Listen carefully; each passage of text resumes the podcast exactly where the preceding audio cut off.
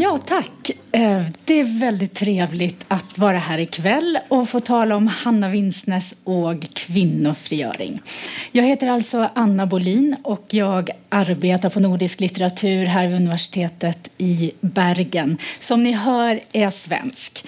Så sifra om jag snackar för tjappt eller brukar det svenska ord som är vanskliga att förstå.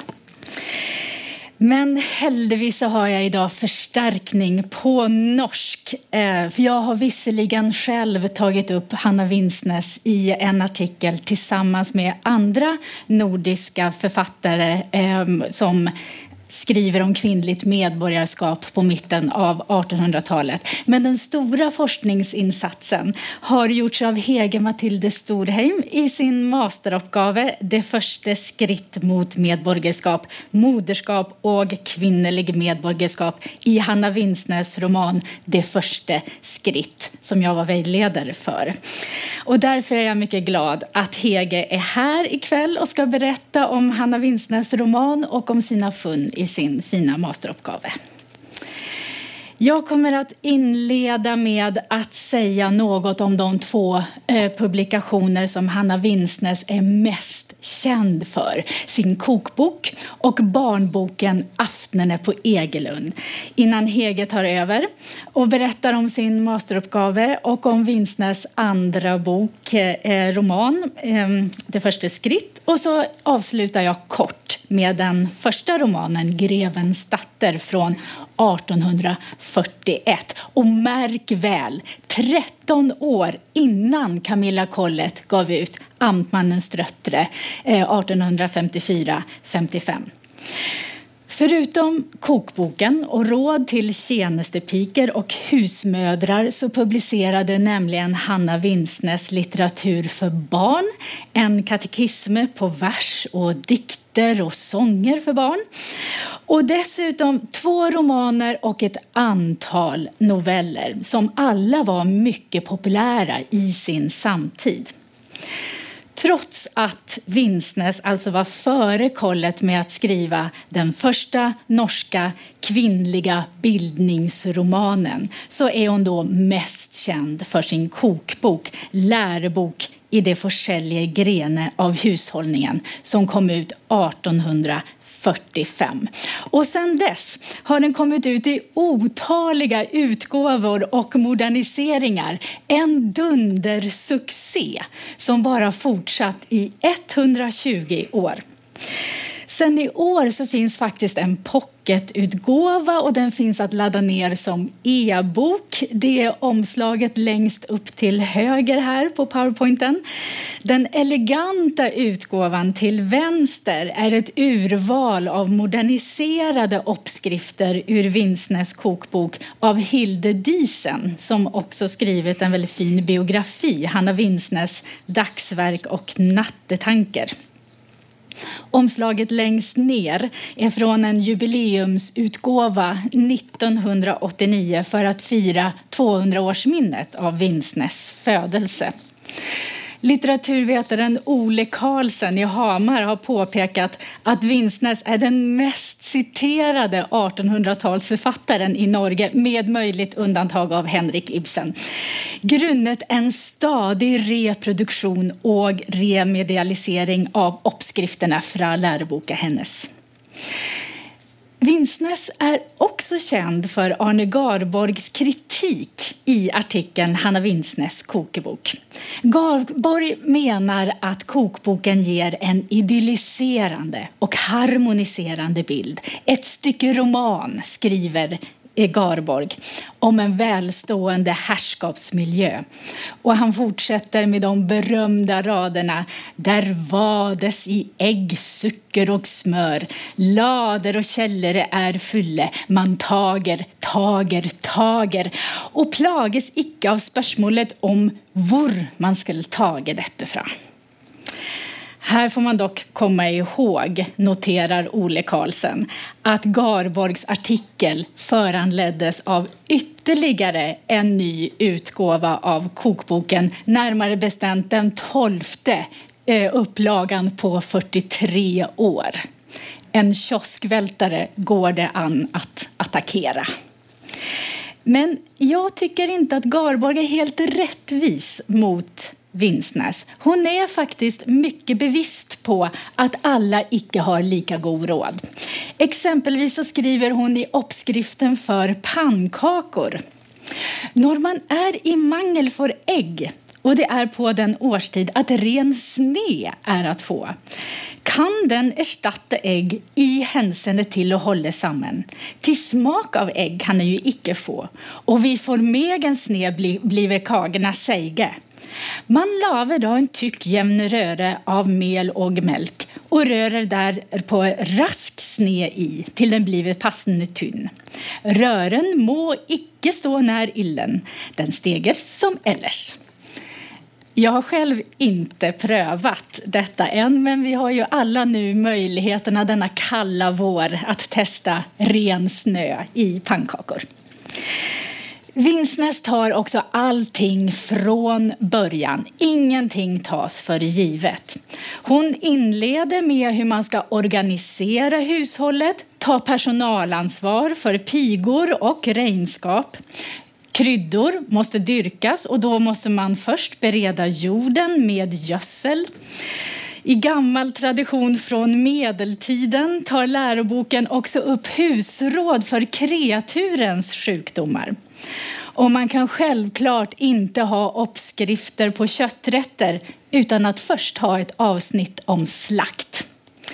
Men hur vet man när en ovn är tillräckligt het för bakning när man inte har en termometer? Det ger Hanna Vinsnes besked om och hur mycket ved man ska ha. Allting finns med. Så på så vis så har Garborg rätt. Lärobok i det forskjellige grene av hushållningen är en roman om naturalhushållningen i de nordiska länderna innan industrialisering och konsumtionsrevolutionen har slagit igenom. Vinsnes skrev också flera böcker som specifikt riktade sig till mindre bemedlade, bland annat i Får tjänestepiker och i Får fattige husmödre. Den senare publicerades i tidskriften Folkvännen, redigerad av Vinsnes gode vän Eilert Sund. Här blandade hon praktiska råd med så kallade morskapsförtällningar. Det skulle vara både nytta och nöje. Men även de underhållande berättelserna är moraliserande och präglade av kristen fromhet. Protestantisk arbetsmoral predikas. Du ska icke slösa bort arbetstid, för det är att slösa bort din arbetsgivares pengar. Och Herren Gud har satt dig på denna plats. Din kristna plikt är att lyda.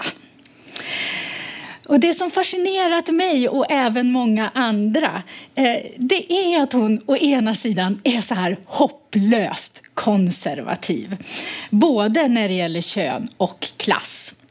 Å andra sidan så synliggör hon kvinnors bidrag till nationen och visar hur viktigt kvinnors arbete är. Inte bara för familjen, utan för hela samfundet och i förlängningen för nationsbyggnad. Historikern Kari Melby har lyft fram att Vinstnäs är tidig med att professionalisera hemarbetet i just kokboken och i böckerna för tjänstepiker och fattiga husmödrar. Vinstnäs lärde också själv upp tjänsteflickor i sin egen gård för att sen ordna bra arbetsplatser åt dem. Husmorsarbete är inte en naturlig kunskap som följer med att vara kvinna. Det är en kompetens, ett yrke som kräver utbildning och träning. Det är den moderna hållningen till hemarbete. Och det är också någonting som Vinsnäs själv lyfter fram i sitt företal till kokboken. Hon skriver i min ungdom, da alle skriftlige hjelpekilder i denne retning var innskrenkede til et par ufullstendige og uforståelige kokebøker, har jeg ofte følt savnet av en simpel og tydelig undervisningsbok i husholdningen. Og undret mig över att där ingen fantes i kvinnornas eneste lärofag medan herrene var så väl försynade i all sinne. Och här finns en biografisk bakgrund. Vinsnes var alltså jämnårig med franska revolutionen, föddes 1789. Hon fick ett långt liv. Det började tungt. Hennes far var borgermästare i Drammen men han dog redan när hon var tio år. Och då flyttade hon med sin mor till eh, brodern som studerade i Köpenhamn och de levde där under knappa omständigheter. Men när även modern gick bort fem år senare så fick Hanna komma till sin systers hus i Drammen som hushållerska för systern. Men hon saknade de kunskaper som hon behövde så att lärdomarna i denna kokbok är surt förvärvade. Lägg också märke till den feministiska markeringen i citatet. Herrarna är så väl försynade med undervisningsböcker, men varför saknas det för kvinnor? Vinstnäs andra långlivade dundersuccé kan sägas vara en motsvarande lärobok i ett annat av kvinnornas fagområde, barnuppdragelse. Aftene på Egelund är visserligen en barnbok och den blev så populär att den kom ut i nya utgåvor in på 1920-talet. Och den senaste och sjunde utgåvan kom faktiskt 1978. Den översattes till både tyska och engelska på 1860-talet. Men den är lika mycket en handbok för den som uppdrar barn som morskapsläsning för barnen. Boken bygger på en rammefortelling Änkan fru Lind har en dotter som är nio och ett halvt år. Och hon tar emot tre andra jäntor i sitt hem i ungefär samma ålder för uppdragelse och undervisning tillsammans med dottern som eh, behöver lära sig att bli lite mer social och att ta hänsyn till andra människor. Så det här handlar om att skapa ett fälleskap. Notera eh, att det alltså handlar om uppdragelse inte bara inom kärnfamiljen utan för en vidare krets. Ibland uppstår bråk och då får läsaren lära sig om fru Linds konflikthanteringsteknik. Efter skoldagen så berättar fru Lind äventyr och någon gång gissar de gåtor. Och boken består av denna kvällsunderhållning, totalt 15 aftner. Då och då eh, under berättandet så bryter jäntorna in och ställer spörsmål eller kommentarer så att fru Lind får anledning att gå i dialog med sin publik och förklara äventyrens betydelse. Samtalen återges så nära muntlighet som möjligt. Det är dialogform som i ett drama. Repliker som föräldrar eller lärare kan ta med sig och lära sig. Vinsnes är tidig med att använda folkeäventyr. Asbjørnsen och Mos första häfte med norska folkäventyr kom 1842. Den första samlingen publicerades 1851. Vinsnes barnbok kom året därpå. Och folkäventyren var inte helt okontroversiella vid denna tid. Tio år senare så kom eh, Läsebok för folkskolan och den innehöll ju också äventyr vilket väckte stort motstånd, inte minst från frikyrkliga kretsar. För oss idag kan det verka obegripligt. Hur kan man vara emot någonting så oskyldigt som ett folkäventyr? Men då får man komma ihåg att vid mitten av 1800-talet så var äventyr inte bara äventyr. På landsbygden över hela Skandinavien så levde fortfarande folktron. Bara för att man slutat bränna häxor betydde inte det att folk slutat tro på trolldom. I vissa delar av, på, av landsbygden på, i Finland så verkade fortfarande vid mitten på 1800-talet så kallade tieteje det finska ordet för en trolldomskunnig person. Och I Sverige så ägde de sista offentliga häxanklagelserna rum i Dalarna år 1858 alltså flera år efter att Vinsnäs barnbok kom ut. Och jag vill dröja lite vid det här exemplet eftersom det så tydligt illustrerar de positioner i samtiden som även Vinsnäs hade att förhålla sig till. Det Mm, skedde nämligen så här. Några barn klagade över att en nabokvinna hade fört bort dem till häxsabbat om nätterna. Förtvivlade föräldrar tog med sig barnen till prästen för att han skulle driva ut djävulen, vilket han också gjorde för att lugna de här människorna. Detta spridde sig till en häxpanik som till slut involverade över 700 personer. Domkapitlet sände då en kommission, men inte för att döma de anklagade häxorna utan för att döma prästen som hade uppmuntrat till övertro. Kyrkans officiella hållning var att med tystnad kväva resterna av folktro på landsbygden. Till detta kommer då storstädernas press Aviserna rapporterade om de här små oskyldiga barnen med röda kinder som stod och vittnade om djävulen. Så folket förlöjligades och hånades som övertroiska och hopplöst bakom tidens utveckling. Och det här blev då ett argument i debatten för upplysning och bättre utandning på landsbygden. Så folktron ställdes i motsats till modernitet.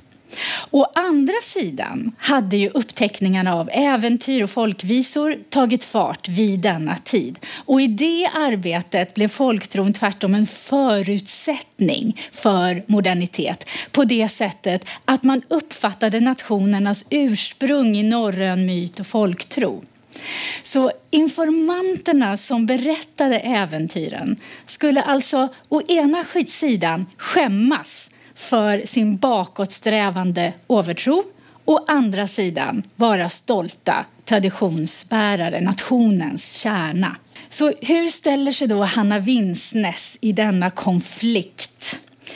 Hon använder magiska väsen och äventyrets form men formulerar delvis om dem som moraliserande allegorier. Exempelvis heter första äventyret Flidens väg och där möter huvudpersonen en vit pike som heter tålmodighet. Sådana allegoriska namn är inte vad man associerar med folkäventyr. Och Vinsnäs betonar även uttryckligen att äventyren icke ska uppfattas som verklighet. En av jäntorna eh, frågar kan huldren göra mig till en katt bara för det jag sa att det måtte vara mors, morsomt att vara katt en liten stund? Nej, visst icke, den lille narr. Icke en vår var Herres selv omskaper den till ett dyr som han en gång har gitt en menneskes, menneskesjel. Och huldrer och troll har jag sagt icke är till uten i äventyr. Här invänder en annan av jäntorna att Kisti Budeje tror på huldren och nissen. Därför får fru Lind förklara Ja, visst härskar övertron ännu hos många isär på landet, men denna övertro dör nu mer och mer ut. Och så följer en vetenskaplig förklaring som ekar av Jörgen Mos företal till norska äventyr. Detta är lämningar från en hednisk tid som finns kvar i fortellingar och de skiljer sig åt mellan sydliga och nordliga länder men vi ska tacka Gud för att vi har fått en bättre tro. Så flit och gudstro men också omtänksamhet och glädje är det som jäntor enligt Vinsnes behöver utveckla för att bidra till nationens utveckling. Kvinnor hade icke politisk stämmerätt men det var del av nationen och bärare av ett moraliskt medborgarskap. Och kvinnligt medborgarskap och uppdragelsens betydelse var något som Vinsnes hade utforskat närmare i sin andra roman Det första skritt. Och den ska Hege berätta mer om nu. Och du har ju också besökt Vinsnes hem. I sommar så eh, reste jag inom Vang prästegård. Och det var eh, väldigt, väldigt kul. Det er en av flere presteboliger som Hanna bodde på For de reiste litt rundt. Jeg tror de var innom syv til sammen. Um, ja. Og her ved Vang um, Og det er her ved Vang kirke at Vinsnes ble begravet. Og historien skal ha det til at det aldri har vært så stort gravfølge som den gangen Hanna Vinsnes ble eh, eh fulgte sitt siste hvilested. Og I dag så ligger Tonheim folkehøgskole på gamle Vang prestegård. Og her ser dere da hovedbygningene. Og når jeg var der i sommer og besøkte, så um, så jeg at døren der sto litt på gløtt. Så jeg eh, tenkte hvis jeg bare skynder meg litt nå, så kan jeg lure meg inn her og ta litt bilder og kikke litt. Så jeg gjorde det. Eh, og jeg kom da eh, rett fra bryllup, så jeg hadde liksom høye hæler og lang kjole og passet ikke inn på en folkehøyskole. Eh, men jeg fikk tatt disse bildene her, da. Så her ser dere en av stuene som jeg fant. Og det er ganske herskapelig og pent. Og i første etasje så fant jeg soverom. Eh, og eh, det fikk meg til å tenke kanskje et eh, friår på folkehøyskole hadde vært noe for meg likevel. Og til venstre så ser dere stabburet, og det òg sto der når Hanna Vinsnes bodde der. Og til venstre bak stabburet så ligger da altså Vang kirke. Både hovedbygget og stabburet er i dag fredet. Og selv om Vinsnes lærebok i de forskjellige grenene av husholdningen fremdeles var aktuell på slutten av 1800-tallet, så tok Henriette Schönberg-Erken eh, over stafettpinnen i 1895 og skrev den neste store norske kokeboken. Og Hun fikk òg reist en minnestein av Hanna Vinsnes her på Vang med prestegård, med innskriften 'Med takk fra norske kvinner 23.8.1939'. Hanna Vinsnes var, som Anna har forklart, prestekone og hadde mange arbeidsoppgaver. En prestekone på første halvdel av 1800-tallet var ikke en helt gjennomsnittlig husholderske. Hun skulle kunne så mangt og hadde ansvar for mange menneskers liv og helse. På denne tiden var prestegårdene eh, viktige kjerner i samholdet som fantes på bygdene. Prestegårdene var ikke bare et privat hjem, men i tillegg et kultursenter, et apotek, et slags legekontor. Et vandrehjem med kost og losji. Et rådgivningssenter for alle sognets innbyggere og ellers forbipasserende. 1800-tallets prestekone hadde et ansvar for å opprettholde og konsolidere embetsstandens kultur som en sosial eh, særgruppe. Embetsstandens særegenhet baserte seg på en forståelse av at den høye klassens sosiale overlegenhet, dannelse og intelligens eh, skulle på en måte Eh, hjelpe og, og, opplære de mindre eh, intelligente, ja, eller danne det kanskje, bøndene f.eks. Å være prestekone ga også makt, som eksempelvis å være husholdets økonomiadministrator. På pressegården hos Hanna og ektemannen Paul Vinsnes var det ikke før alle arbeidsoppgavene var unnagjort og alle i presteboligen hadde lagt seg, at Hanna Vinsnes tok fram en liten lampe og satte seg til å skrive de spennende historiene sine. Og når manuset var ferdig, så fikk hun de sendt anonymt til forelegger, og fikk de publisert under det mannlige pseudonymet Hugo Schwartz. Og legg merke til pseudonymet Hugo Schwartz har de samme initialene som forfatterens pikenavn Hanna Strøm. Tilfeldig? Neppe. For det var ikke så mye tilfeldigheter når det kom til Hanna Vinsnes og måten hun bygget opp de skjønnlitterære tekstene sine. Klokken slo fem i Trondhjems domkirke, og fort derpå stortret en halvsned småpiker ut av et lite, simpelt hus i en av byens utkanter. Slik lyder første setning i Hanna Vinsnes' roman 'Det første skritt' fra 1844. Det er Vinsnes' andre og siste roman. Og Småpikene som blir skildret, har vært på skolen hos lærerinnen Elise Rein, en av romanens viktige kvinneskikkelser. Den oppofrende, omsorgsfulle, men litt strenge kvinnen eh, som gjerne også har et samfunnsoppdrag som lærerinne eller prestekone, en gjentagende skikkelse i Vinsnes tekster. Og De finner du òg i det første skritt. Romanen har eh, fire eh, mødre som forholder seg til moderskap på ulike måter. Og Da jeg skrev masteroppgaven min, så gjorde jeg en analyse der jeg undersøkte hvordan moderskap framstilles i relasjon til det kvinnelige medborgerskapet i romanen.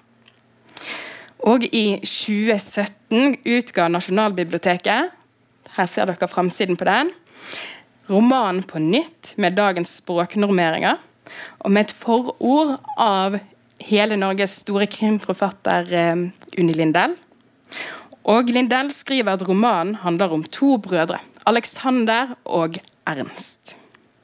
En arv og to unge kvinner. Romanens handling drives fram av ulike hendelser i livet til Alexander og Ernst, men det er likevel ikke disse to brødrene som er utgangspunktet for min analyse. I romanen 'Det første skrittet' blir leseren kjent med disse fire ulike mødrene. Fire forskjellige moderskap som sidestilles, samtidig som de også har forskjeller. Klasse, etnisitet, skjønnhet, lidelse, økonomiske forutsetninger kristen og kristen etikk er avgjørende for hvordan det går med barna til disse mødrene. Romanens fire mødre er lærerinnen Elise, skipskapteins kone, fru Amalie Mor, prestekonen Fredrikke og til slutt taterkvinnen Ingrid. Det første skritt er en spenningsroman med familieforviklinger, bloddryppende mord, kjærlighet og erotikk, om kamp mellom det gode og det onde, om frelse. Og disse fire forskjellige moderskapene, som er helt sentrale for romans oppbyggelse. Det er en komplisert handling med mange parallellhandlinger. I romanen møter man et rikt persongalleri der alle personer har en kobling til hverandre, direkte eller indirekte. Ulike etnisiteter og sosiale eh, klasser er representert, sånn som prestefolk og kjøpmenn fra borgerskapet til fattige taterfølgere. Og her på lysbildet så har jeg prøvd å illustrere litt av denne kompleksiteten som finnes i persongalleriet. Og så må jeg bare eh, bemerke at dere må ikke la dere forvirre av den nederste linjen her. De er ikke barn av, men eh, fosterbarn eller eh, pleiebarn eller Ja, at de tar til seg Eller at disse mødrene tar til seg eh, noen av disse barna for enten oppdra eller danne eller sånn. Ja. Fra venstre så har vi da Stella. Hun har egne foreldre, men i et slags pleierdatterforhold til Elise i ungdomsårene. Ernst skal gå i skole hos presten. Helga er pleiedatteren til prestefolket, og Knut er taterkvinnens eh, Ingrid, altså eh, sin fostersønn. I romanen blir man tidlig kjent med lærerinnen Elise, som har mye kontakt med sin nevø Alexander. Elise er riktignok tanten til Ernst òg, men Alexander er favoritten. Tante Elise er klar over at Alexander er yndlingen hennes, og hun skjems litt av det. Alexander holder på å utdanne seg og syns studiene er veldig tunge. Tante Elise oppmuntrer Alexander til å holde fram med utdannelsen, selv om det uheldigvis betyr at hun ser mindre til ham. Det er testamentert en stor arv til Alexander som Ernst er sjalu for. Rettere sagt, det er nok først, og fremst brødrenes mor, Amaliemor, som syns at arven er urettferdig fordelt mellom de to guttene. Til gjengjeld gir Amalie tydelig uttrykk for at hun syns sønnen er urettferdig behandlet, og prøver å kompensere for dette ved å skjemme vekk Ernst.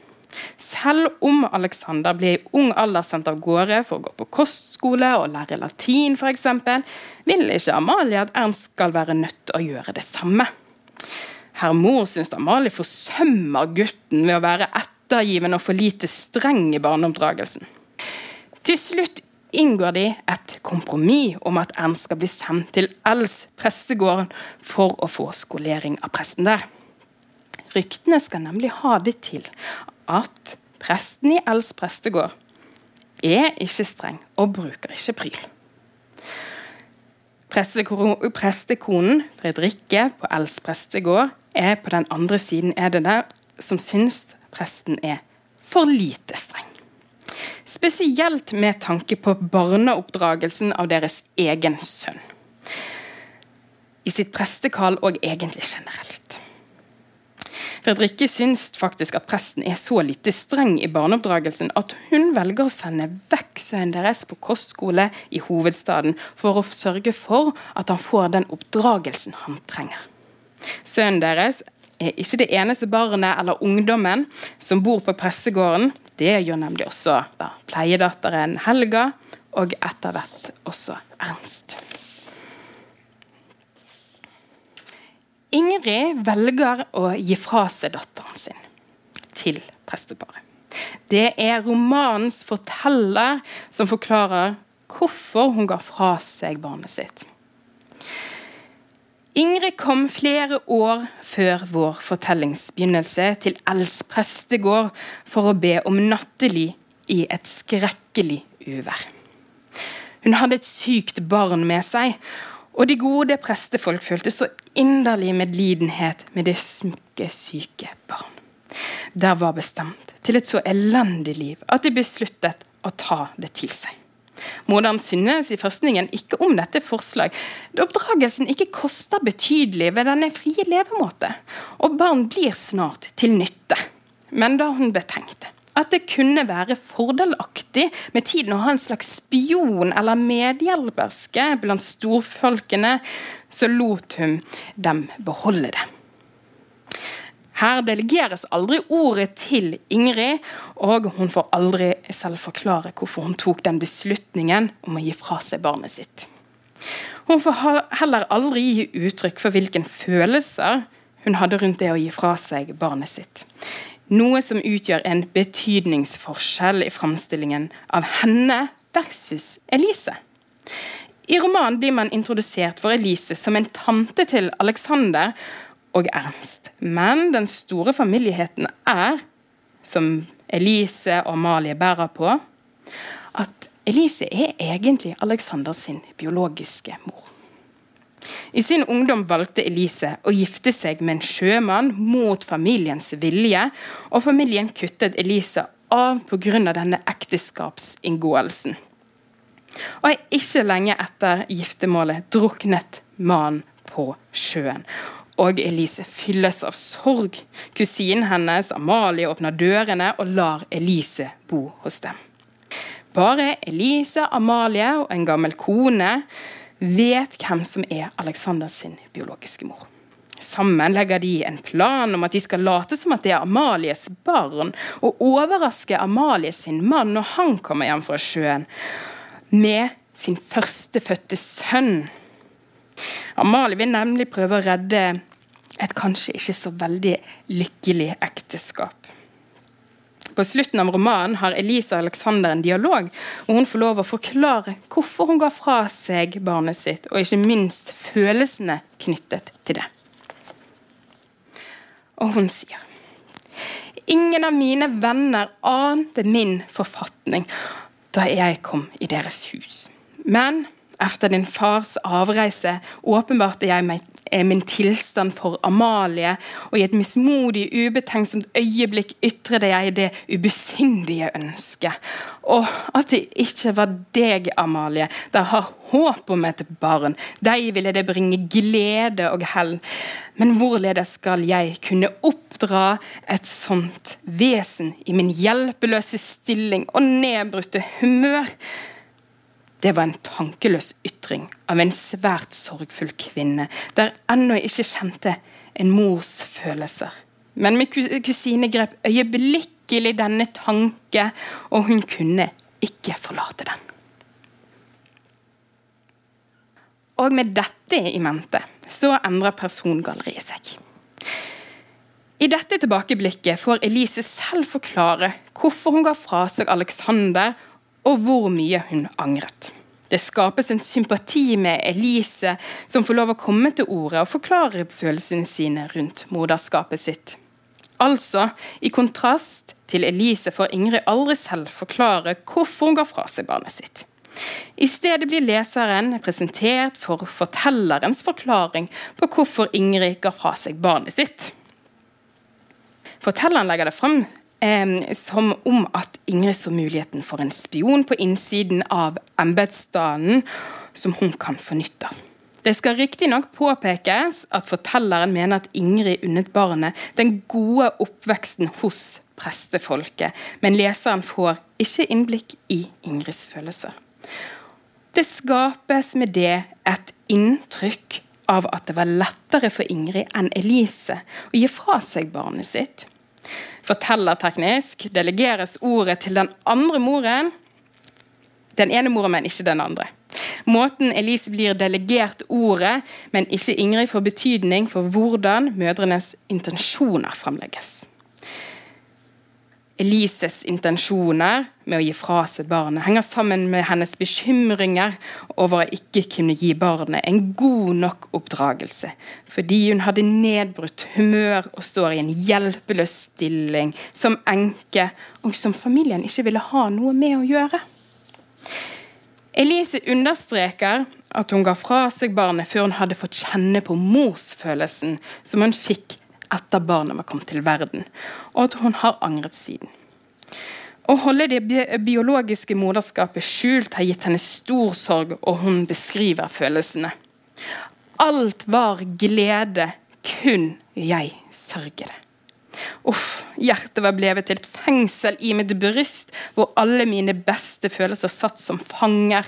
Og du vet ikke, min sønn, hvor jeg har kjempet. Angeren og følelsen som Elise får gitt uttrykk for, gir en forståelse av at hun er en omtenksom mor, selv om, men òg fordi, hun tok et valg hun angret på for resten av livet. Ingrid får ikke gitt uttrykk direkte for disse følelsene.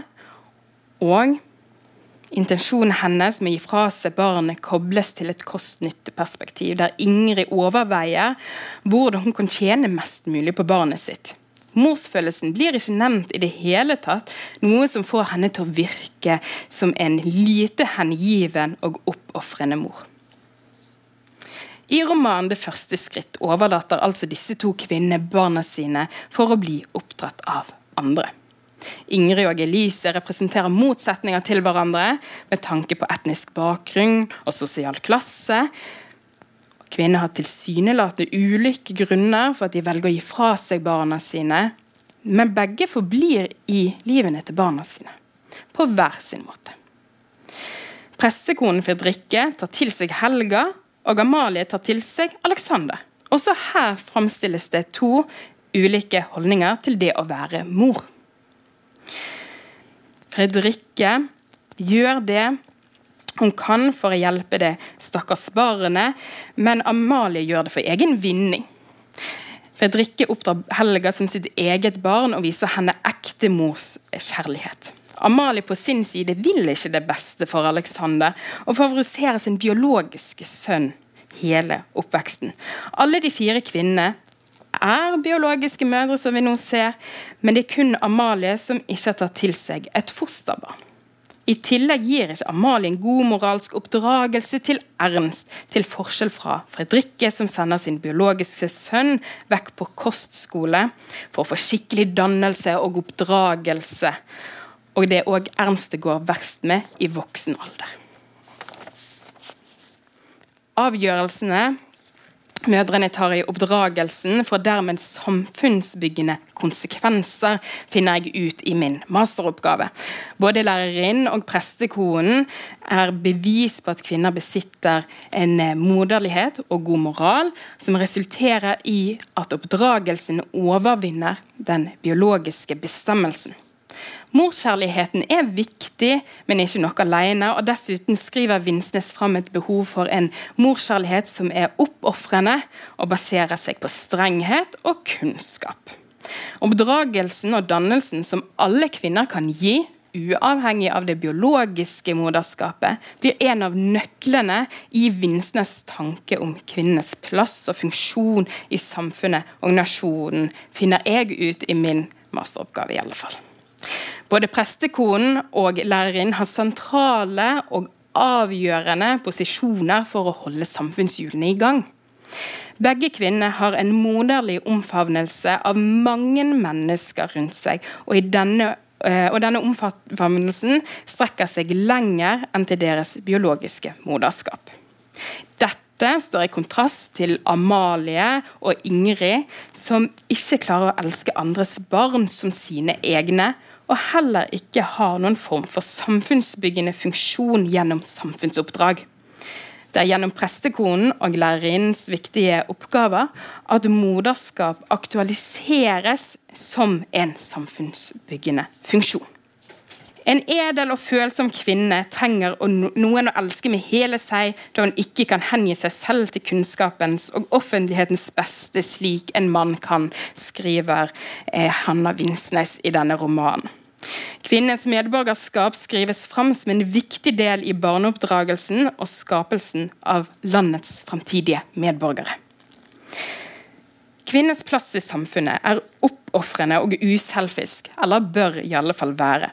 Og kvinnens bidrag er nasjon helt avhengig av. Hvordan kvinners bidrag til samfunnet synliggjøres i romanen, peker fram mot det som senere blir utviklet til feministisk eh, teori om kvinner og samfunnsbidrag og moderskap.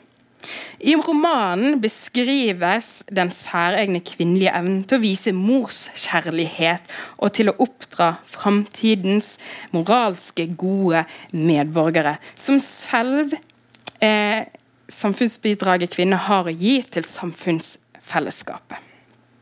Et bidrag som hele nasjonens medborgere trenger, og som vi i neste rekke kan tolke av taler for at kvinner bør bli anerkjent som medborgere med de plikter og goder det innebærer. I Vinsnes roman stilles brødrene Alexander og Ernst opp mot hverandre, hvor Alexander skrives fram som helten, mens Ernst skrives fram som antihelten. Livet til de to unge mennene får veldig forskjellig utfall, og i romanen pekes det tilbake til Amalie og Elises oppdragelse. Altså hvordan kvinner oppdrar barn uavhengig av det biologiske moderskapet, har mye å si for formingen av framtidens medborgere i det første skritt. Så vil jeg bare legge til at dette her er jo min tolkning, og jeg anbefaler dere å lese boken selv og gjøre deres egen tolkning. Hele Norges husmor og prestekone Hanna Vinsnes brakte det kvinnelige medborgerskapet på bordet. Hjemme på kjøkkenet og i den offentlige samfunnsdebatten. Og med det har jeg lyst til å bringe Anna opp igjen på scenen. Eh, nu är ljudet på. Tack, Hege. Jag ska avsluta med bara kort om eh, Hanna Winstnäs första roman Grevens datter som är en melodramatisk historia, den också med förväxlade identiteter och kärlek och hat.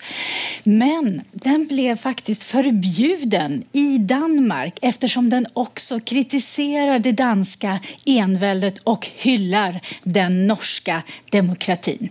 Romanen utspelar sig nämligen i Danmark på 1830-talet och en av av huvudpersonerna, greve Adolf Brahe, reser till Norge och beskriver entusiastiskt den fria pressen och besök på Stortinget med bonderepresentanter.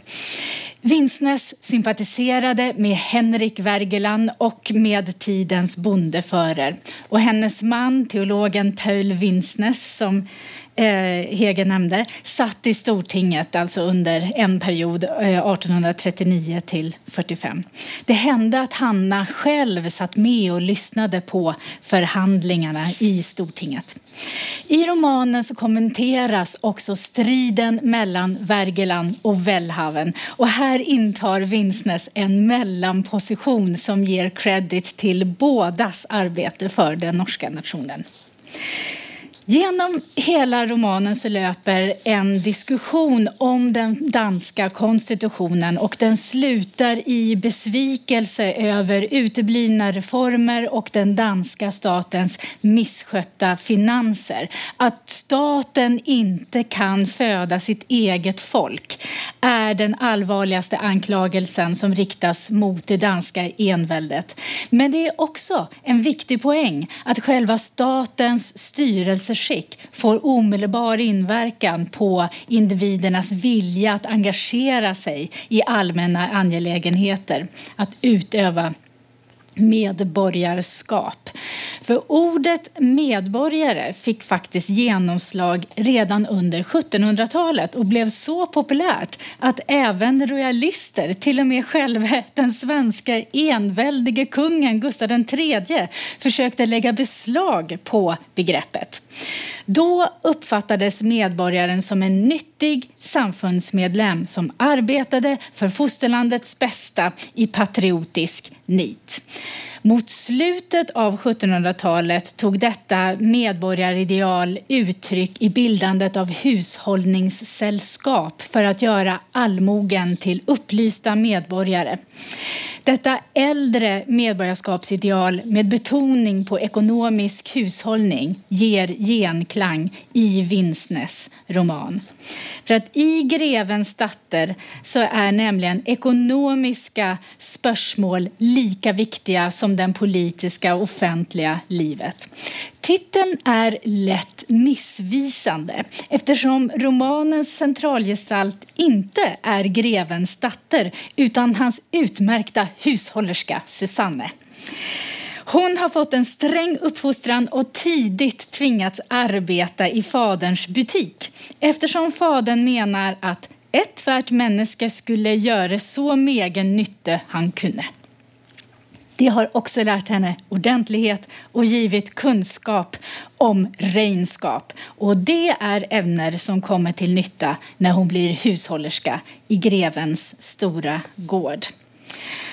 Hos Vinsnes så blir hushållnings, eh, hushållningskunskap till och med erotiserat.